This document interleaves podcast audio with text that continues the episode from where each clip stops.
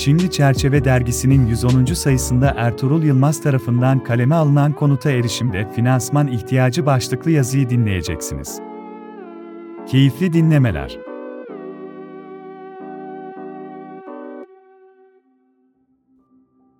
Konut edinimindeki en önemli faktörlerden birisi olan finansman ihtiyacı, hem konut geliştiricileri hem de tüketiciler açısından büyük önem arz etmektedir.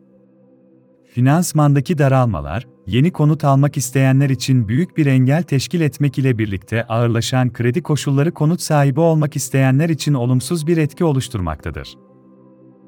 Konut ve inşaat sektörü sadece gelişmekte olan ülkelerde değil gelişmiş ülkelerde de ekonominin önemli sektörlerinden birisidir insanların en temel ihtiyaçlarından olan ve barınmayı sağlayan konut, çok sayıda toplumsal ve ekonomik birimin etkileşimini sağlayan, ekonominin alt sektörleriyle bağlantısı olan ve ailenin iskanını sağlayan, yani aileyi bir arada tutan mekanlar bütünüdür, konut finansman sistemlerinin geliştirilmesi yoluyla konuta erişimin kolaylaştığı. Uzun vadeli borçlanmalar ile konut talebinin karşılanabildiği ve konut yatırımlarının da artış gösterdiği bilinmektedir toplumun önemli bir kesimi için, konut mülkiyetine sahip olunmasındaki finansal zorluklar, konutun önemli bir sosyoekonomik sorun olarak ortaya çıkmasına neden olmaktadır. Ülkemizdeki en önemli konut finansman modeli olan mortgage sistemi ile inşaatı devam eden, yapımı tamamlanmış, oturuma hazır konutların satışı, bir başka deyişle, öncelikli olarak orta ve dar gelirli kesimin kira ödermiş gibi ev sahibi olmasının saklanmasında büyük önem arz etmektedir. Özellikle 2004 yılından itibaren gelişen konut finansman modelleri toplumun uzun vadeler ile konuta erişimini sağlamıştır. Ancak Türkiye gayrimenkul sektöründe ipotekli satışların payı 2013 yılından bugüne son 10 yılda %40'tan %15 seviyelerine kadar gerilemiştir.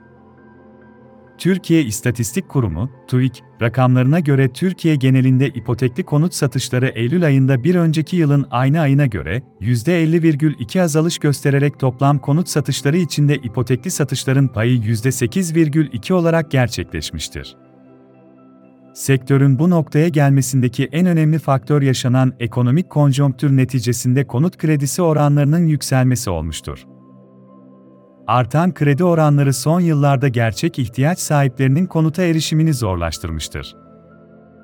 Bu yıl içerisinde Bankacılık Düzenleme ve Denetleme Kurulu'nun, BDDK, Temmuz ayında aldığı karar ile birlikte Türkiye Orta Vadeli Program, OVP kapsamında finansal istikrarın güçlendirilmesine yönelik ihtiyati tedbirler kapsamında ikinci konutunu alacak olanlara yönelik kredi kısıtlaması getirildi tüketiciler, ikinci ev alımlarında eskiye göre %75 daha az kredi kullanabilecek.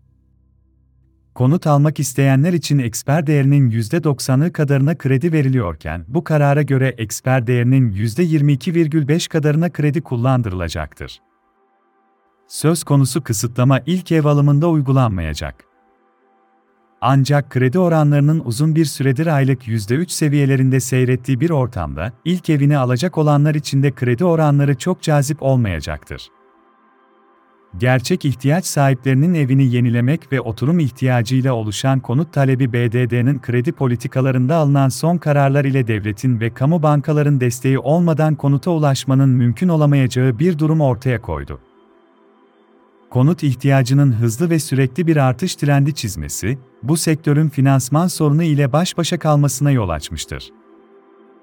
Bu sorunun aşılması konusunda bir takım bilimsel ve bürokratik çalışmalar yapılmalı ve talep yönelimli yapı tasarrufu, konut finansmanı ve mortgage gibi sistemler yeniden oluşturulmalıdır. Diğer taraftan dar ve orta gelirli kesimlerin konut finansmanına erişimini yeniden kolaylaştırmak için yapı tasarrufu sistemlerinin ülkemizde daha kalıcı bir finansal sektör haline getirilmesi gerekmektedir.